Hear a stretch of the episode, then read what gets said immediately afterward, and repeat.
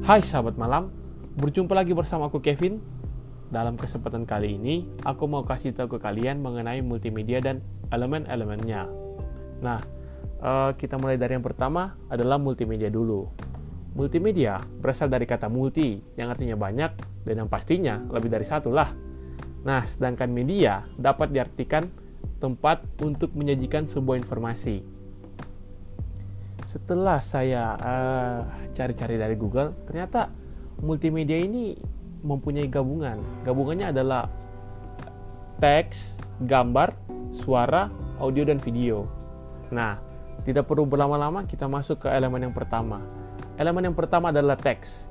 Teks adalah komponen sederhana dari multimedia yang digunakan untuk menyampaikan informasi yang terdiri dari kata, kalimat, dan paragraf. Selain itu, teks tidak memerlukan tempat penyimpanan yang besar. Nah, yang kedua adalah gambar. Gambar dalam multimedia berfungsi untuk membantu seseorang agar mengetahui lebih jelas mengenai suatu informasi yang sedang dibaca atau ditayangkan. Nah, kita masuk yang ketiga adalah suara. Suara merupakan komponen yang digunakan untuk memperjelas atau mempertegas informasi yang disampaikan. Misalnya rekaman suara, musik, atau efek suara yang ditambahkan ke dalam video. Yang keempat adalah video. Dalam sebuah konten multimedia, video digunakan untuk apa ya, sehing, membuat kontennya itu lebih menarik, lebih fresh gitu, lebih ah gitu lah. Nah, yang kelima adalah animasi.